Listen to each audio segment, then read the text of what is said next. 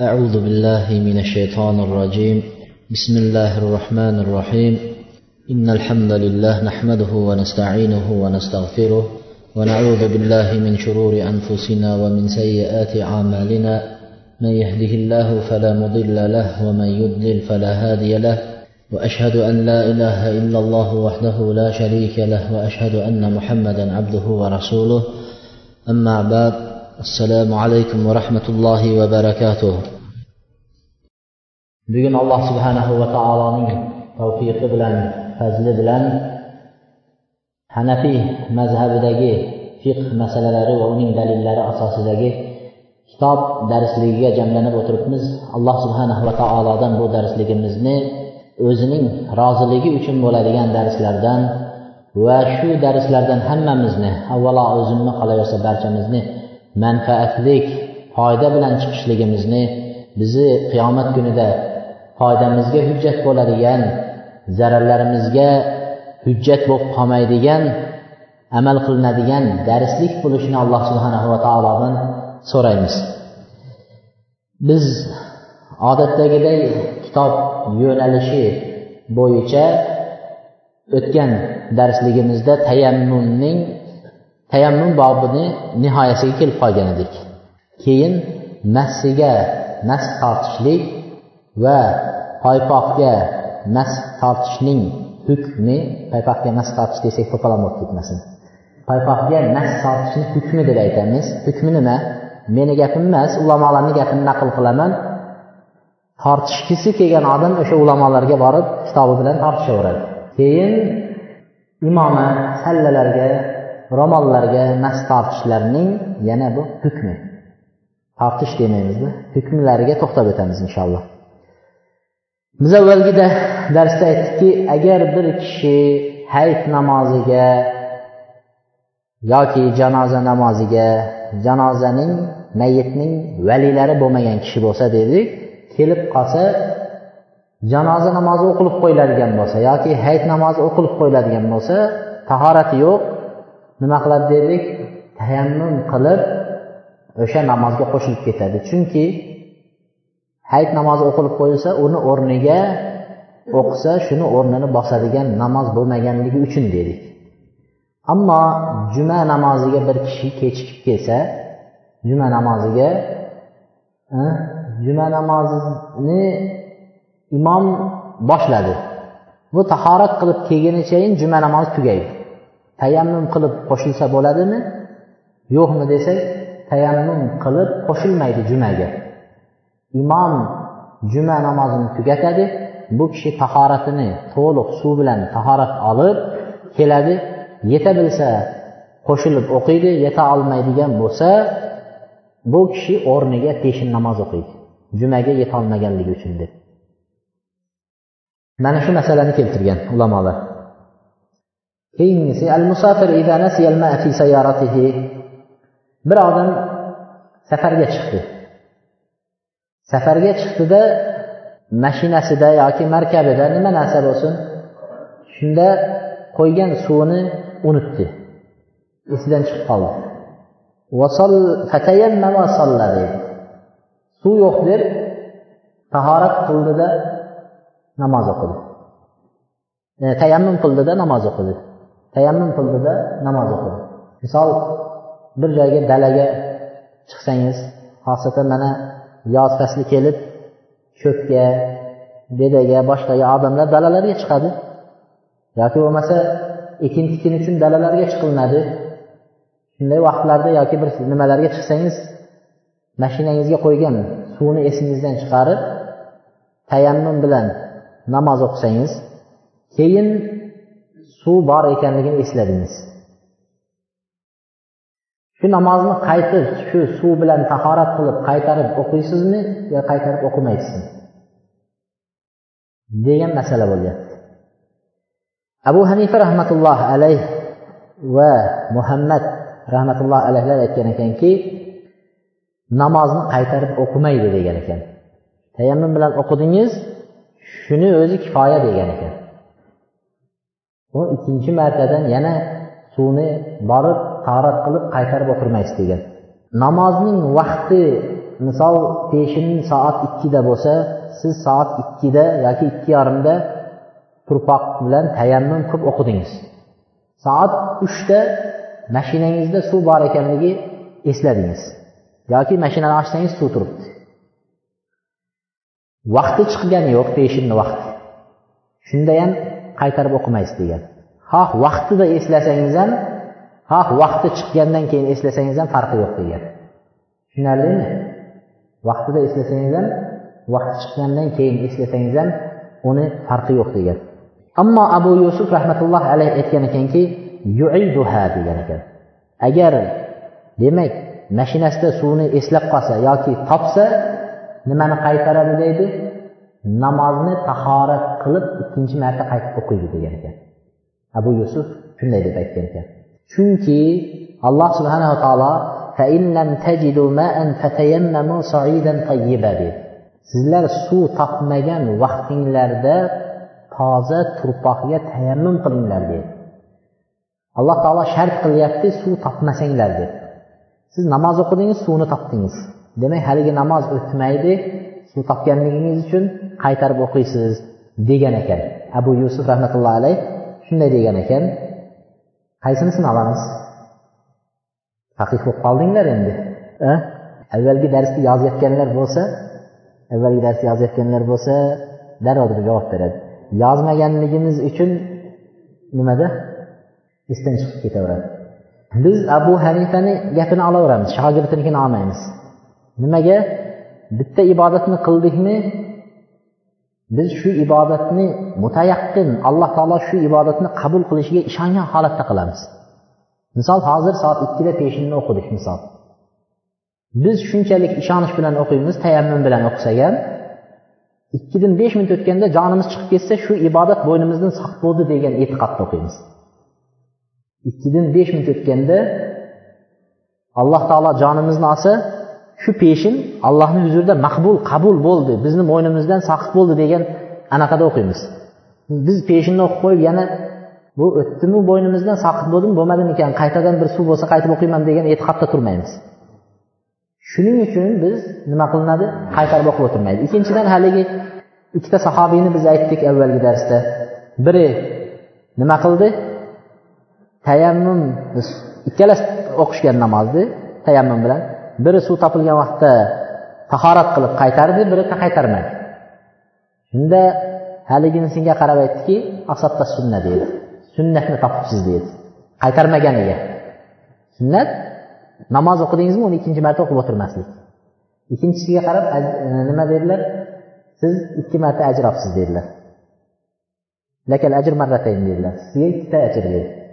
Shuning uchun biz qaytarmaymiz. Vallohu alam bisavob وليس على المتيمم طلب الماء إذا لم يغلب على ظنه أن بقربه ماء tayammum qilish uchun deydi ba'zi olimlar aytadiki tayammum qilish uchun falon masofani deydi yurib suvni qidirish kerak deydi masalan bu tarafga falon chaqirim bu tarafga falon chaqirim bu tarafga falon chaqirim shunday masofani orasida suv bo'lmasa undan keyin borib tayammum qilsa bo'ladi ya'ni suvni yo'qligiga aniq Nima ishonch hosil qilgandan keyin deydi. Bu bizni e, nimalarimizda odamlarni ichida yuradi odamlar ichida deyapti. Lekin kitobni ichida yo'q ekan. Kitobda yo'q. E, aytyaptiki tayammum qilishlik uchun suv izlab talab qilib yurishligi shart emas deb bizni mazhabimizda. Suvni izlash shart emas. Agar atrofida yaqinroq joyda suv yo'qligiga bilsa ishonsa suvni izlab yurmaydi debdi. Nimaga bekordan bekor vaqtingizni ketkazib bekordan bekor o'zingiz charchatib bekordan bekorga alloh taolo bizni nima mashaqqatga qo'ygani yo'q. Asli tayammum yengilchilik shariatda. Suv yo'qni o'rniga tayammum qil deb yengilchilik bersa. Alloh taolo yengillikni berib turib yana endi o'n kilometr bu yoqqa yurishing kerak o'n kilometr bu yoqqa desa bu yoqqa o'n bu yoqqa o'n o'ng chap yursa qirq kilometr yurguncha uxlab qoladi odam.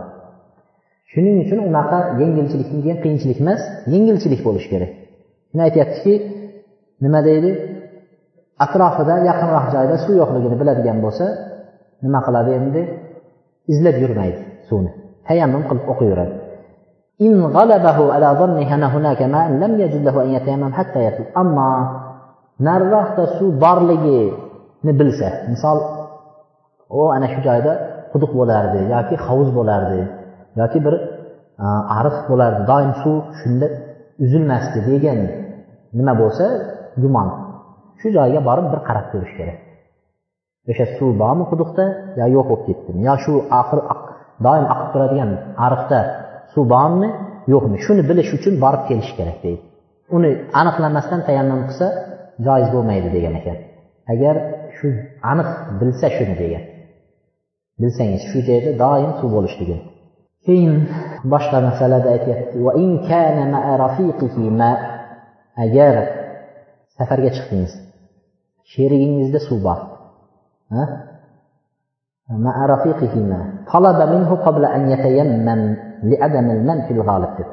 Tayammum qilishdan oldin sherigingizni suv so'rab ko'rasiz ekan. Suvingni berib tur men tahorat qilay deysiz ekan. Bugungi berib taraflaydi tahorat qilay ekan. Chunki ko'pincha odamlar nima deydi? Suvni e, qizg'anishmaydi suvni birovga berishni nima qilmaydi? Shuning uchun berishadi degan ekan. Shuning uchun bir marta so'rashlik mumkin deydi. Agar sherigi suv bermasa o'zima kerak ichaman yoki boshqa desa endi tayammum qilib namoz o'qiyveradi debdi. Tayammum qilib namoz o'qiyveradi. Sherigida suv bo'lsa ham degan. Bermaganligi uchun. Walau tayanna qabla talab ajza'ahu inda abu hanifa aytgan ekanki so'ramay turib sherigida suv borini bilib turib so'ramasdan turib ham tayammum qilib namoz o'qisa bo'laveradi degan ekan. Yana misol uchun dalaga ko'p ortishga chiqdingiz. Mashinani kiraga olib chiqqansiz. Birovni yollab olib chiqdingiz. Uni mashinasida misol radiatorga quyaman deb suv olib olgan bo'lishi mumkin. Bir kanistrda. Siz chiqdingizda shuni bilasiz suvi bor ekanini so'ramasdan o'qisangiz ham abu hanifani nimasida tayammum qilib o'sha nimada? Cho'p ortayotgan joyingizni. Bo'laveradi degan ekan. Ammo degan. Chunki abu hanifa aytgan ekanki dalili u haligi shopyorniki degan ekan. O'sha radiatorga quyaman deb olgan uning mulki birovning mulkini talab qilish tahorat uchun ibodat uchun durust emas degan ekan. Ibodat uchun birovni mulkini olib turib tahorat qilib qilishlik durust emas degan abu hanifa. Ammo uning ikki shogirdi muhammad bilan abu yusuf aytganki ammo shogirdlari aytgan ekanki yo'q so'rash kerak degan ekan. Bermasa undan keyin tayammum qilish kerak chunki odatda suvni qizg'anish bu odamlarni odatdan emas degan. Suvni hech kim qizg'anmaydi deganda mana buni e, bular aytishgan. Demak modomiki safarda bo'lsangiz xohlang suvni so'rab keyin bersa tahorat qiling. Bo'lmasa so'ramasdan turib tayammum qilib namoz o'qisangiz bo'laveradi debdi. Debdi. Mana shu yerda qiziq masala. Agar suvni berishdan bosh tortsa hali aytdikki kirakash qilib olib chiqqanmiz dalaga. Shofyorni shofyori radiatorga suv quyaman deb bir kanistr suv olib chiqdi. Endi dalaga chiqqan vaqtda ber desak sotaman deyapti. Qarabuloqliklar oramizda yo'q lekin abdurafiy eshitsa xafa bo'lmasin. Ikki qarabuloqlik deydi urushga tushib qolibdi deydi. Ikki qarabuloqlik deydi. Haligi rosa otishyapsa biri otmas ekanda. Haligini o'qi tugab bo'lgandan keyin ikkinchisiga qarab o'qni ber dushman yaqinlab qoldi desa palonchaga sotaman debdi sotaman desa endi biroz kutibdi desa haligi dushman yana ham yaqinlab kelyapti o'qni ber deyapman desa yaqinroq kelsin yana ham qimmatga olasan deyapti deganmi yaqinroq kelsa yana ham qimmat shunga o'xshab haligi dalaga chiqib olgandan keyin suvni narxini qimmatlatyaptida sotaman deydi suvni. Sotaman desa suvni o'sha shaharda suvning narxi nechi pul bo'lsa shu pulga sotsa shaharda. Masalan bir o'n litr suv misol besh yuz tanga tursa shaharda. Shu sahroda ham shu pulga sotsa besh yuz tanga bering shu pulni ber e, shu suvni beraman desa shuni sotib olib deydi tahorat qilishligi kerak bo'ladi debdi. Tayammum qilsa bo'lmaydi debdi. Besh yuz tangaga sotib olib tahorat qilish kerak debdi. Ammo shaharning narxidan qimmat qilsa debdi shaharda besh yuz bo'lsa ming tangaga sotaman desa namozni vaqti yana ham nima bo'lsin yana qimmat bo'ladi desa ana u vaqtda endi nima qiladi tayammum qilib o'qiyveradi debdi endi qimmatiga sotib olmasin debdi qimmatiga sotib olmasin degan فاقد الطهورين يؤخر الصلاة عند أبي حنيفة لا يصلي حتى يقدر على الوضوء حتى يقدر على الوضوء أو التيمم dedik abu hanifa rahmatullohi alayhi aytadi yana boshqa masala. Suv ham yo'q tayammum qilishga turpaq ham yo'q. Qanday o'qiydi? Turpaq ham yo'q desa hayron bo'lishi mumkin. Bir odamni ikki qo'lini ikki qo'lini baylab qo'ydi qo'li baylanib turibdi misol. Tayammum ham qilolmaydi turpaqga. Suvni o'zi yo'q. Qanday namoz o'qiydi desa abu hanifa rahmatullohi alayh imom molik imom avzai rahmatulloh alayhlar aytgan ekanki namozni kechiktirishadi namozni o'qimaydi hatto ya tahorat qilishga yoki tayammum qilishga qodir bo'lguncha debdi. Yo suv tovib suvni topgandan keyin tahorat qilish kerak suv bilan yoki bo'lmasa haligi tayammum qila olishligi kerak. Chunki alloh taolo payg'ambar alayhissalom aytadiki Hmm, nima? Tahorati yo'q odamning namozini alloh taolo qabul qilmaydi hatto tahorat qilgunicha degan hadis bor. Shuning uchun bular aytyaptiki u behuda namoz deyapti. Tahoratsiz namoz na tayammum emas na tahorat emas qabul bo'lmaydi deyishdi. Ammo imom shofiiy imom ahmad imom ibn hazm ibn taymiya rahmatulloh alayhilar aytgan ekanki namozni vaqtini chiqarib yubormasdan qanday holatda bo'lsa shunday o'qiyveradi debdi. Tahorati yo'q bo'lsa tahorati yo'q holatda tayammum bo'lmasa tayammumsiz ya'ni bunday aytganda hech qanday tahoratsiz o'qiyveradi debdi. Namozni vaqtini chiqarmaydi debdi. Chunki bularning dalillari alloh subhanahu va taolo qur'onda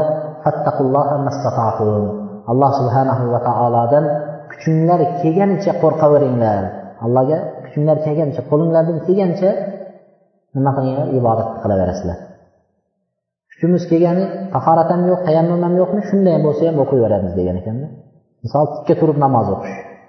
Qodir bo'lmagan odam o'tirib unga ham qodir bo'lmasa yotib unga ham qodir bo'lmasa ishora bilan misol shunchalik nima qilyapti? Sekin sekin pastga tushyapti. Shunga o'xshab tahorat bo'lmasa tayammum tayammum bo'lmasa xuddi hech narsasi bo'lsa ham o'qiydi deb aytishgan ekan. Alloh taolo insonni kuch kelgan narsani talab qiladi. Modomiki tahoratga kuching kelmadi tayammumga kuching kelmadi shunday o'qiyver degan oyatni dalil qilishdi.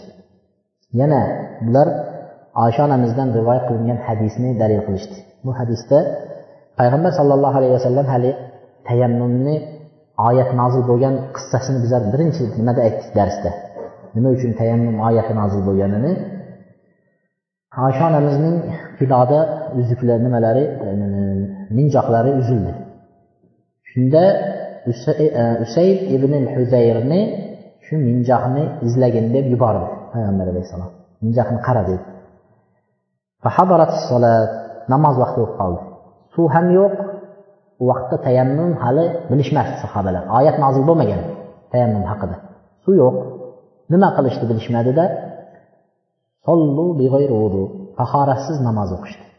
Tahorati yo'q tayammum ham qilgani yo'q shunday namozni o'qish payg'ambar alayhissalomni oldiga kelib aytishgan vaqtida payg'ambar alayhissalom bekor qilibsizlar tahorat qilib qaytarib shu namozni o'qinglar demadi. Namozinglar qabul bo'lmaydi tahorat qilib qaytarib o'qinglar shu namozni demadi iqror bo'ldi.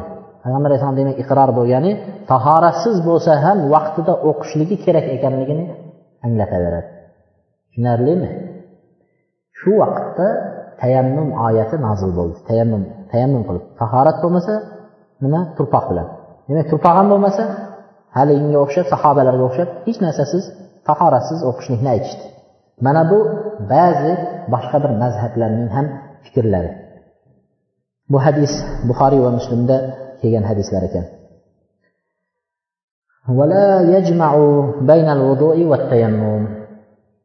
Bir inson ham tayammum qilib ham tahorat qilib ikisini jamlamaydi debdi. Ikkita narsani nima qilmaydi? Bitta joyda jamlamaydi deb keltiribdi bu kishi.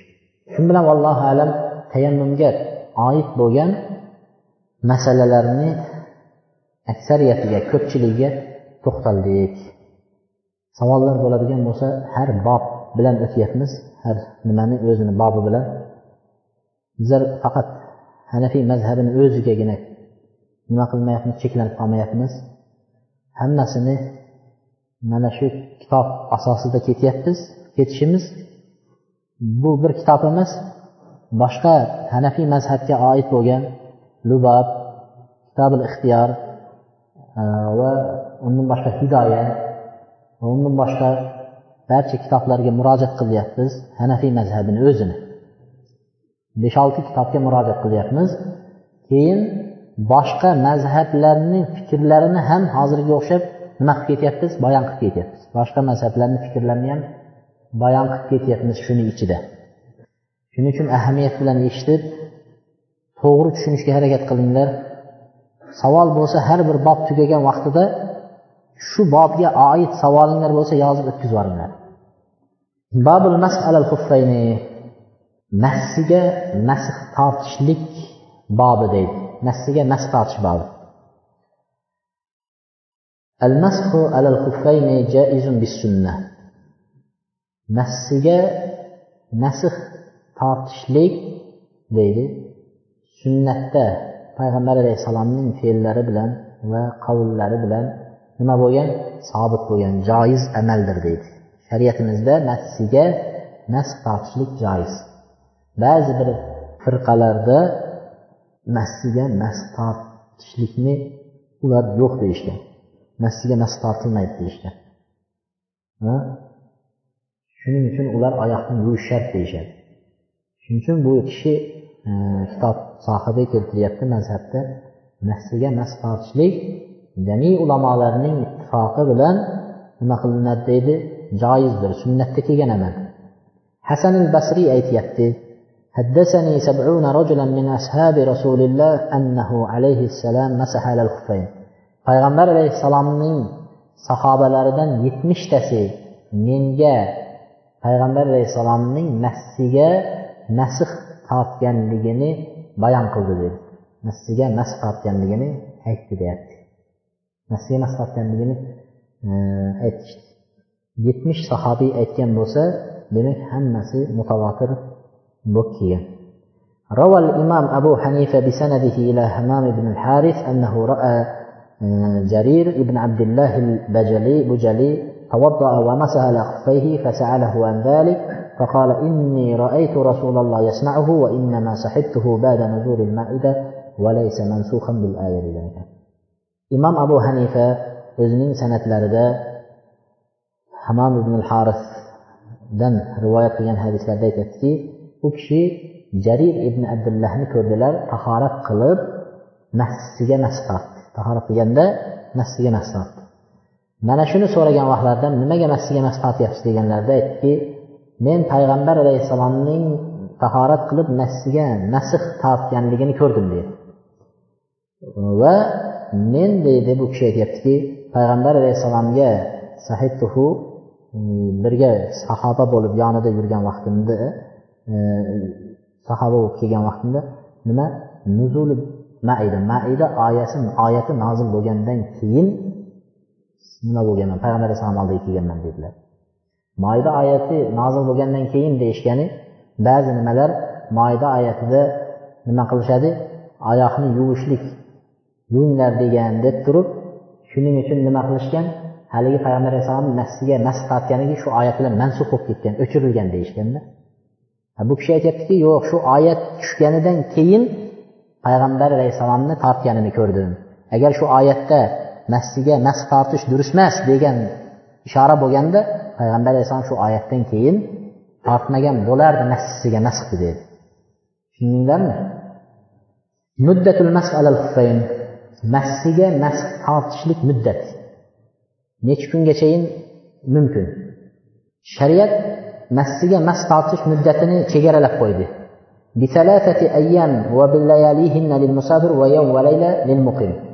Muqim. Kishi misol uydagi shu joyda vatanida turgan odam o'zini shahrida turgan odam massi kiygan bo'lsa massi kiygan bo'lsa bir kecha kunduz ya'ni bir sutka massiga mas tortgan muddati bir sutka degan ekan.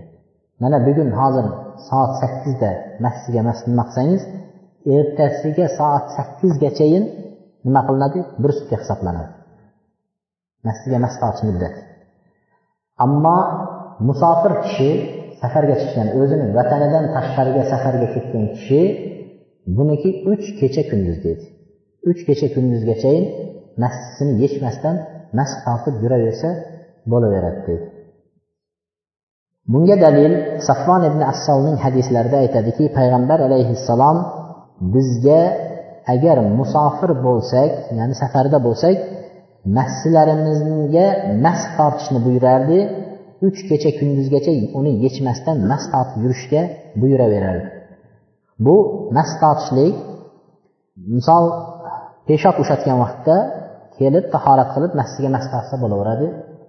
Yoki katta hojatga borib kelgandan keyin tahorat qilsa nafsini yechmasdan nafs tortsa bo'laveradi. Yoki uxlab turgandan keyin nima e, tahorat buzilib nafsiga nafs tortsa bo'laveradi.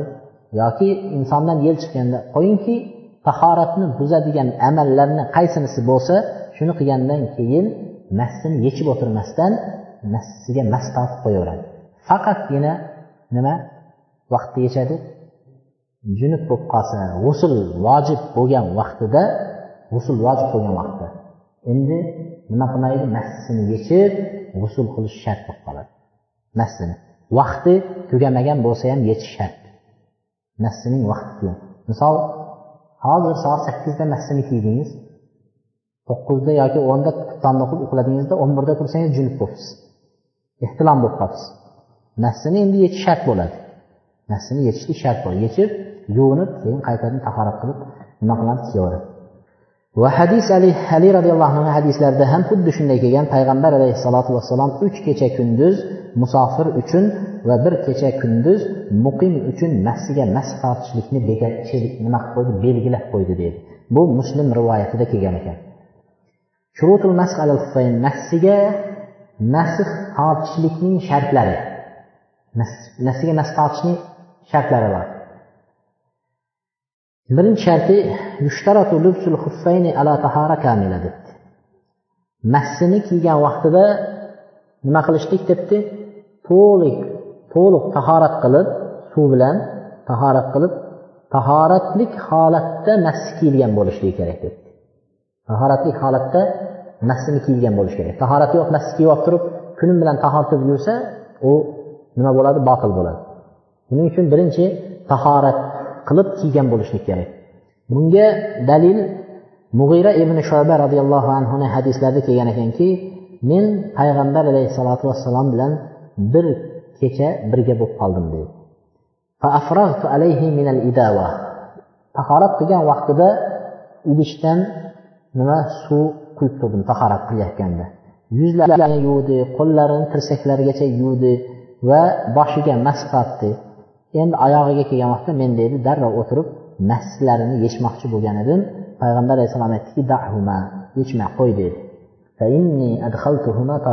men tahorat qilib keyin kiyganman dedi ya'ni tahorat bilan kiyganman nas taqsa bo'ladi dedilar. Shuning uchun ulamolar sharti nassini kiyishda tahorat bo'lishligi shart degan va shuningdek yana ba'zi shartlarni qo'ygan bu e, mazhabdagi qo'yilgan shartlarning ba'zilari birinchisi tahorat bilan dedik bu endi ikkinchisi. Nafsiga nas tortishlik durust bo'ladigan nas tortsa durust bo'ladigan nafslar to'piqni berkitib turadigan bo'lishi kerak degan. To'piqni berkitib turadigan to'piqdan past bo'lsa bo'lmaydi. To'piq ochilib tursa bo'lmaydi. To'piq nima qilinishi kerak berkitib turilishi kerak degan uchinchisi minal jild degan ekan. Jild teridan bo'lishlik kerak. Massi degani teridan bo'lishligi kerak degan uchinchi shart. To'rtinchi sharti o'sha to'piqqa chiqqan vaqtida shunday to'piqni o'zi nafsini shunday kiysang o'zi ushlab turadi o'z o'zidan tura biladigan to'piqni nimasida tura biladigan bo'lishi kerak. Uni biror ip bilan qo'njini bog'lab nima e, soq deydi masalan nimasiga boldiriga misol bog'lab qo'yadigan bo'lmasligi kerak degan. Ya'ni o'zi turaveradigan bo'lishi kerak. Nafsini kiysang tushib ketmaydigan bo'lishi kerak degan ma'noda. Uni boylab qo'ysagina turadigan bo'lmasligi kerak deb. Beshinchisi beshinchisi nafsiga nas tortgan vaqtda suv nimaga oyog'ingizni terisiga ya'ni teriga suv yetib boradigan bo'lmasligi kerak deb ya'ni suv tegmaslik kerak degan ekan beshinchimi yoki oltinchisi bo'lsa va shu massi bilan ya'ni odatda yurishlik mumkin bo'lgan joylarda yura biladigan darajada bo'lishlik kerak debdi. Nafsi bilan ham yursa bo'ladigan debdi. Lekin bizda ba'zilar belgilaydi chegara belgilaydi sakson kilometr yurish kerak ekan deydi. Shu sakson kilometrga chidasa nafs tortsa bo'ladi deyishadi. Sakson kilometrga chidamasa tortsa bo'lmaydi deydi misol. Endi shu masalani juda ko'p kitoblarga mana murojaat qildim lekin hech birida bu masala yo'q. Bu masala yo'q. Bu olimlarni aytgan gaplari faqat yura bilsa odatda odam bu xonadan u xonaga chiqib yuraveradigan narsa bo'lsa bo'ladi degan. Bidoyati muddatil mash mashning mash tortish muddatining boshlanishi qaysi vaqtdan boshlanadi? Savol tushunarlimi? Nafsiga mas tortish muddati mana bir sutka deylik. Hozir men soat to'qqiz mana to'qqizdan qirq minut o'tibdi yigirma takam o'nda nafsiga hozir man nafsini kiydim. Kiygan vaqtimdan hisoblanadimi? Yoki nafs tortgan vaqtimdan hisoblanadimi? Nafsni tortgan vaqtdan hisoblanadi deyilyapti. Hammanglar boshqa mazhabda ekansizlar hech bizani mazhabda odam yo'qmi bu yerda? Bizlar hanafiy mazhabni o'tyapmiz sizlar handalini aytasizlar nafsiga nafs tortishlikning vaqti hozir mana kiysam tahorat bilan kiydim nafsini. Ikki soat xuftonni o'qidim. Xuftondan keyin men tahoratni buzdim. Keyin yotish uchun misol xuftondan keyin yotmoqchi bo'lib tahorat qildim. O'sha buzgan vaqtimdan hisoblanaveradi. Mana xufton o'nda bo'lsa o'n yarimda tahorat buzsam tahorat buzgan vaqtdan hisoblanadi. Demak massini kiygan vaqtimdan emas. Misol uchun soat o'n yarimda tahorat buzdim o'n bir yarimda uxlashga yoki o'n ikkida tahorat qildimda tahorat qilib mas tortdim. O'n ikkidan ham hisoblamaysiz. Buzgan o'n nimada? E, kiygan vaqtimdan hisoblamaysiz. Buzgan vaqtdan hisoblaysiz.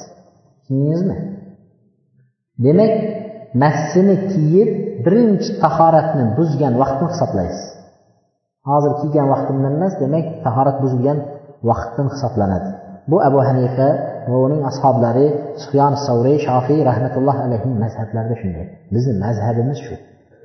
Mana shuni yaxshilab bilib olinglar tahorat buzilgan vaqtidan hisoblanadi. Nas tortganda emas. Mana hozir tahoratni buzsangiz misol u misol nimaga borib uch soatdan keyin yo to'rt soatdan keyin mast tortishingiz mumkin mast tortishingiz mumkin siz endi uch to'rt soatdan keyin hesablamaysiz-da, buzgan vaqtingizni hozirdan hisoblaysiz shunda bir sutka bo'ladi tushunarli bularning dalili لأن ما بعد الحدث زمن يستباه فيه المسح فكان من وقته فكان من وقته كبعد المسح دليلي وان دليلي tahorat nimaga boya biz sizlar aytganinglardek masxdan boshlanadi mas tortgan vaqtdan boshlanadi demadi bular. Bular aytishdiki tahoratni buzgan vaqtdan hisoblanadi deyishi tahoratni buzib turib darrov orqasidan tahorat qilib masx tortsa mumkin edi bu kishiga deydi. Bu kishi shu muddatda masx tortmasdan ikki soatmi uch soatmi to'rt soat o'tkazib turib keyin tortyapti. Shu uch to'rt soat tortgan masxni tahoratni buzgan vaqtda orqasidan darrov tahorat qilib mas tortsa bo'lardi. Bu kishi o'zi kechiktiryapti deyapti shuning uchun o'sha vaqtdan hisoblanaveradi degan ekan. Shu vaqtni tahoratni buzgan vaqtidan hisoblanadi deyishgan ekan. Ammo endi boshqa mazhablar boya sizlar aytganni ham dalillarini aytamizda boshqa mazhablarda aytadi ahmad ibn hambal hambaliylar mazhabida. Avzaiy va navaviy bu gapni ixtiyor qilgan ibn munzir ibn usaymin rahmatulloh alayhilar mana shu mazhabni ixtiyor qilgan. Bular aytishgan ekanki misol bomdod namoziga tahorat qildingiz. Bomdod namoziga tahorat qilib mahsini kiydingiz. Bomdoddan keyin soat misol e, sakkizda tahoratni buzdingiz. Tahorat buzdingiz. Biz mazhabda o'sha buzilgan vaqtdan hisoblaysiz sakkizdan hisoblaysiz bularni mazhabida soat sakkizda buzdingiz. Soat bir yarimgachayin tahoratsiz yurdingiz. Bir yarimda peshinga tahorat qilib mast tortdingiz. Bularni mazhabida bir yarimdan hisoblanadi. Mast tortganingizdan hisoblanadi. Bizni mazhabimizda soat sakkizdan hisoblanadi. Tahoratni buzganingizni. Bularning dalili payg'ambar alayhissalom yamsahul musafir va yamsahul muqim deyapti. Musofir mast tortadi uch kecha kunduz. Muqim bir kecha kunduz mashq tortadi deb masx tortadi mashq tortadi deb kalimani ishlatyapti. Masx kalimasini ular aytyaptiki hatto tahoratini buzib keyin tahorat qilib masx tortmagunchayin hisoblanmaydi deyapti. Masx degan kalimani ishlatdi payg'ambar alayhissalom masx tortmasa u tahorat buzishi bilan biz qanday unga bir kun hisoblayveramiz shunday deyapti. Mas tortish masx degan kalimani ishlatyapti. Shu mas tortgan vaqtidan hisoblaymiz deyapti. Tahoratni buzib masni tortgan vaqtidan hisoblaymiz deyishgan ekan. Keyingi masala massining misol massini misol tagi bu. Tagi bo'lsa ustiga mas tortiladi deydi. Massining ustiga. Massini tagiga emas lekin ba'zi olimlar massini tagi yuradi yerda. ko'proq tagi iflos bo'ladi najosat bo'ladi deb tagiga tortish kerak tozalash uchun deyishgan lekin jumhur ulamolar aytishganki ustiga tortiladi deyishgan massini ustiga tortiladi mug'ira ibn shoba roziyallohu anhuni aytgan hadislarda payg'ambar alayhissalotu vassalomning massilarini ustiga mas tortganligini ko'rdim deydi ali roziyallohu anhu aytadiki لو كان الدين بالرأي لكان أسفل الخف أولى بالمسح من أعلاه وقد رأيت رسول الله صلى الله عليه وسلم يمسح على ظاهر خفه agar degan ekan ali roziyallohu anhu din shariat aql bilan bo'lganda degan ekan shariatni bir odam aqli bilan o'ylab shunday qilsa bo'lmaydimi bunday qilsa bo'lmaydimi deb aqli bilan o'ylab topganida o'sha massini tagiga tortish kerak chunki tagi yuradi yerda iflos bo'ladi deb tagiga tortilgan bo'lardi Ustiga tortilmagan bo'lardi degan ekan. Lekin shariat insonni aqli bilan emas allohning nimasi bilan hukmi bilan bo'lganligi uchun ustiga tortishlikni alloh taolo hukm qilib qo'ydi deydi shariat qildi deydi. Shuning uchun ko'p masalalarda nimaga unday nimaga bunday deb hali bizani aqlimizga to'g'ri kelmay qolyapsa hayron bo'lib qolmasligimiz kerakda. Shariat buyurdimi? Bo'ldi. Biz unga qabul qilamiz rozimiz deb shariatni buyurganini olaverishimiz kerak. Hozirgi shariatlar kimni aqli bilan yuradi? Hozir ko'p bizni shariatlarimiz ayollarniki bilan. Ayollarimiz shariat bizga. Qizimizni uzatmoqchi bo'lsak to'y qilmoqchi bo'lsak yugurib kelib ayolga kelamiz. Ayol islom to'y qilamizmi qanaqa qilamiz deymiz. Birinchi so'raydigan ayollarni so'raymiz deb. Kelib kitobga qarab qur'onni ochib turib hadisni ochib qanaqa to'y qilay? Demaymiz. Shariat nima debdi? demaymiz. Yoki hamma narsada shunday. Hamma narsada. O'zingiz ham xonadoningizga bir nazar soling. Har nima ayollarni maslahatsiz ayollar tarafdan pechat qo'yib chiqarilmasa bitmaydi. Ayollarni shariati bilan yuramiz biz hozir ochiq aytib qo'yishimiz kerak payg'ambarni shariati bilan allohni shariati bilan yurishimiz kerak السنة أن يبدأ من أطراف الأصابع إلى أصل الساق مسxni qanday tortiladi desa masx degan ekan masalan oyoq barmoqlari tarafidan oyoqni barmoqlari uch tarafidan barmoqni uch tarafidan boshlab qo'yilib nima soq tarafga ya'ni boldir tarafga qadam tarafga qarab nima tortiladi degan ekan tortiladi Bunga dalil payg'ambar sollallohu alayhi vasallam bir kishini tahorat qilayotgan vaqtida o'sha kishini oldidan o'tdi. Haligi kishi suvni quyib massisi bor ekan oyog'ida massini yuvib o'tiribdi. Xuddi oyoq yuvgandek massini. Shunda payg'ambar alayhissalom qo'li bilan bunday qildilar. Xuddi haligi kishini turtib haligi noto'g'ri qilyapsa abdastasini tortib olasizu xuddi shunday qildilar haligini turtib bu ish mm, durust mas ekanligini bildirganda ishora qildi.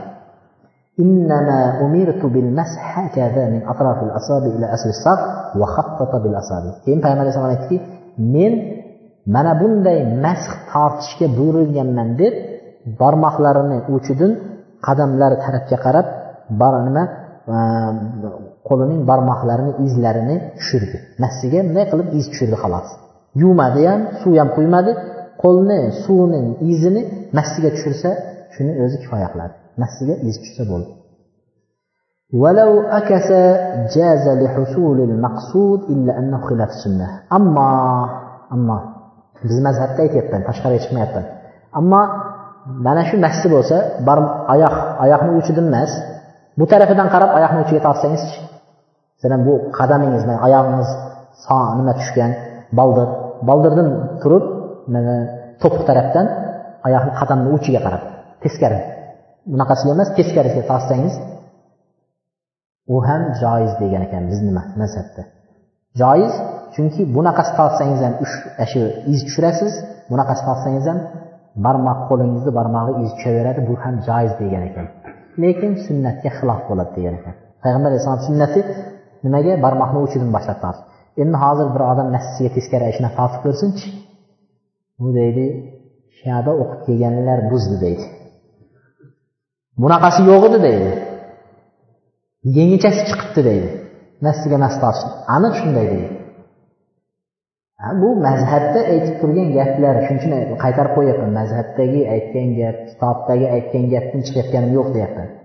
Va miqdaruhu asabi min al yad ذكره محمد لأنها آلة المسح ولو أصاب موضع المسح ماء قدر ثلاث أصابع جازه aytgan ekanki endi masx massiga mas tortishning miqdori qancha bo'ladi debdi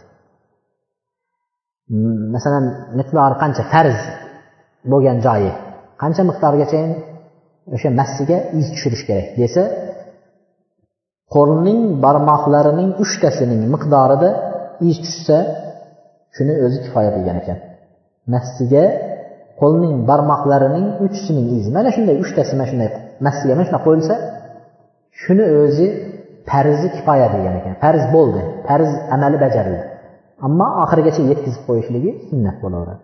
Lekin boshidan qo'yib uch barmoqni miqdoricha qo'yishligi farz degan ekan. Buni muhammad zikr qilgan ekan. Chunki uch barmoq degani massiga aksar odamlarning massiga mas tortadigan nimalari qo'lning barmoqlari shu barmoq bilan tortadi degan ekan.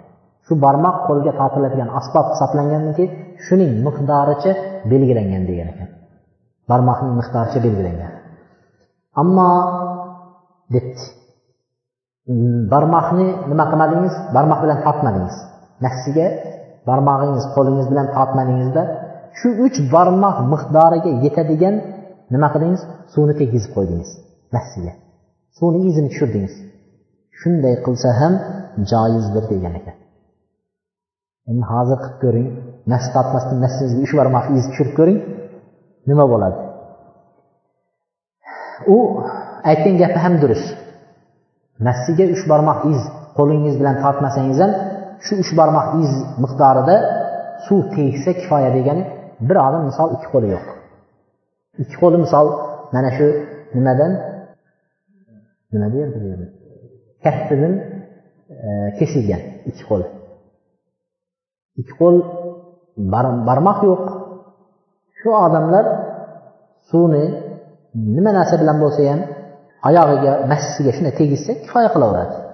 Modomiki shularga kifoya qildi boshqalarga ham nima qilaveradi? Kifoya qiladi. Hal yumsahu Ələl-xufl müxarraq. Teşik, məssi teşik olsa əgər. Şu məslərə məs qalsa boladımı, yoxmu dedi. La yəcuzul məsqu ələl-xufrin fihi xarqun kəbirun yübəyyinu minhu qadara tələfi asabi, min asabi'ir ricli siqar. Əgər məssi teşik olub, məssini, qadam, qadamlarını uchta kichkina barmog'ini miqdori ko'rinib qolsa o'sha teshigidan ya'ni uch barmoq chiqsa massi teshik bo'lsa shu teshikdan kichkina barmoqlar oyoqning kichkina barmoqlarining uchtasini miqdori ko'rinsa shu massiga mas tortishlik joiz emas debdi. Bu bizni masalamizda tushunarlimi? Endi ikki massi mana ikki oyog'ingizga ikki mas kiygansiz. Endi bunda bir barmoq teshigi bor bunda ikki barmoq teshigi bor ikkinchisida. Ikkisini jamlaymizmi? Bunda bir barmoq bunda ikki barmoq. Demak bunga ta'sir bo'lmaydi deymizmi? Yoki har birida alohida hisoblaymizmi? Aytadi har birida alohida hisoblanadi. Mana bu o'ng oyog'ingizga kiygan massingizda uch barmoq chap oyog'ingizga kiygan massingizda agar uch barmoq teshik bo'lsa unga tortishga bo'lmaydi debdi. Tushunarlimi? Har bir oyog'ingizdagi teshik massining teshigi o'zi alohida hisoblanadi uch barmoq bo'lishi kerak agar bu oyog'ingizdagi massi ikki barmoqlik bu oyog'ingizdagi massi ham ikki barmoqli teshik bo'lsa unda tortaverasiz massiga tushunarli a ولا يجمع بين في خفين لأن الخرق في أحدهما لا يمنع قطع قطع السفر بالآخر debdi bizdagilar safar qilsa shu massi bilan yursa bo'laveradi odatda Modomiki u teshik ikkinchisiga zarar qilmaydi degan ekan. Bir massidagi bir oyoqdagi massining teshigi ikkinchi oyoqdagi massini bilan yurishlikka xalaqit bermaydi zarar qilmaydi shuning uchun tortsa bo'laveradi. Har biri alohida hisoblanadi degan. Boshqa mazhablarni ham fikriga to'xtalamiz. وبعضهم منع المسح على الخف المخرق لأنه يرى منه مواضع الوضوء التي فرضها الغسل ولا يجتمع غسل ومسح فغلب حكم الغسل bu hozir bizni aytgan gaplar bizni mazhabdagilarning yana aytganlari aytishyaptiki modomiki uch barmoq ko'rinsa deydi modomiki uch barmoq ko'rinsa aslida u joylarni nima qilish kerak edi yuvish kerak edi oyoqni asli yuvish kerak Modomiki masni kiydingizmi mas kiysangiz endi yuvish qoladida mas tortasiz yuvmaysizda mas tortasiz ha bu ko'rinib tursa deydi yuviladigan joy deydi. Yuviladigan a'zo ko'rinib tursa. Qanday qilib ko'rinib turgan joyni yuvmasdan tashlab nas tortishga o'tasiz deyapti. Ham yuvishlik ham yoki uni yuvish kerak yoki mas tortish kerak ikkisini bir joyda jamlashga bo'lmaydi degan ekan. Ikkisini ham yuvishni ham nas tortishni bir joyda jamlashga bo'lmaydi. Shuning uchun nas tortishlik botil bo'lib endi yuvish kerak bo'lib qoladi. Agar uch barmoq ko'rinsa degan ekan. Endi boshqa mazhablar aytyapti. Molik imom molik rahmatullohi alayh ibn taymiya rahmatullohi alayhlar aytgan ekanki yajuzul masx alal xuffil muhraq ma dama al mashi fihi mumkin va ismuhu baqin massi yirtiq bo'lsa ham masx tortsa bo'laveradi yirtiqning miqdori yo'q modomiki massi degan nomi bo'lar ekan oyoqda qo'pol aytganda shalvirab yursa ham massi degan nomi bo'lsa mas tortsa bo'laveradi. Yirtilib osilib ish qilib tushib qolmasa bo'ldi. Nas degan nomi bor ekan. Torsa bo'laveradi debdi.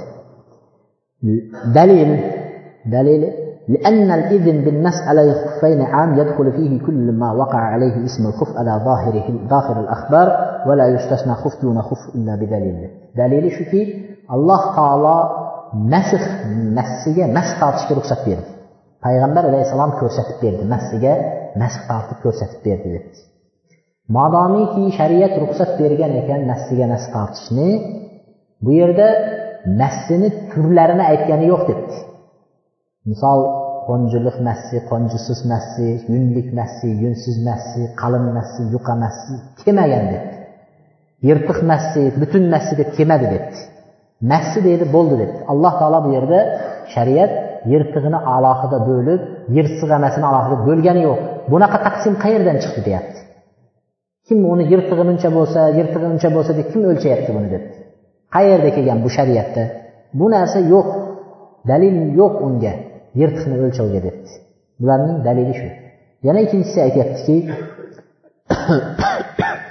لو كان الخرق يمنع من المسخ لبينه النبي لا سيما مع كثرة فقراء الصحابة في أهلهم والغالب أن لا أن لا تخلو خفافهم من الخروق agar yirtiq massiga mas tortish durust bo'lmaganda yirtiq massiga payg'ambar alayhissalom shuni miqdorini aytib ketgan bo'lardi debdi Bir barmoq ikki barmoq deb aniq qilib aytgan bo'lardi. Nima uchun payg'ambar alayhissalom shuni aniq qilib aytib ketmadi?